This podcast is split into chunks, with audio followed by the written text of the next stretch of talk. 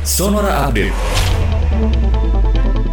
Selamat pagi sahabat Sonora, Presiden Joko Widodo atau Jokowi mewanti-wanti masyarakat untuk tetap waspada terhadap penularan virus COVID-19 ya yang menyebabkan uh, banyak orang meninggal. Meskipun kurva kasus COVID-19 sudah melandai sejak pemberlakuan pembatasan kegiatan masyarakat skala mikro dan berjalannya vaksinasi, Jokowi meminta seluruh pihak tidak optimis yang berlebihan. Presiden mengatakan memang tren kesembuhan pasien COVID-19 terus meningkat belakangan ini, sebaliknya penambahan kasus harian pun terus menurun. Bahkan pada hari ini jumlah kasus aktif berada di kisaran 100 ribu orang. Namun Jokowi menegaskan bahwa COVID-19 masih nyata ada di Indonesia.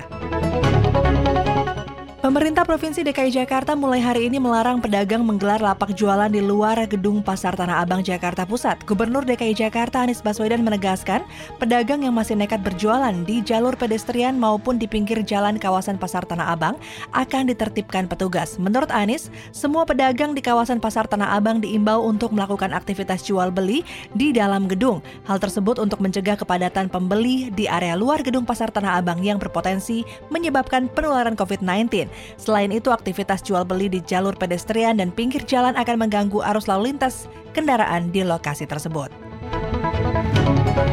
India mencatat jumlah kematian harian tertinggi akibat virus corona sejak pandemi dimulai. Kondisi ini terjadi hanya selang sehari setelah negara Asia Selatan itu menjadi yang pertama di dunia mencatat lebih dari 400 ribu kasus baru harian. BBC kemarin mewartakan Kementerian Kesehatan India mengatakan 3.689 orang telah meninggal dalam 24 jam terakhir. Demikian Sonora Update.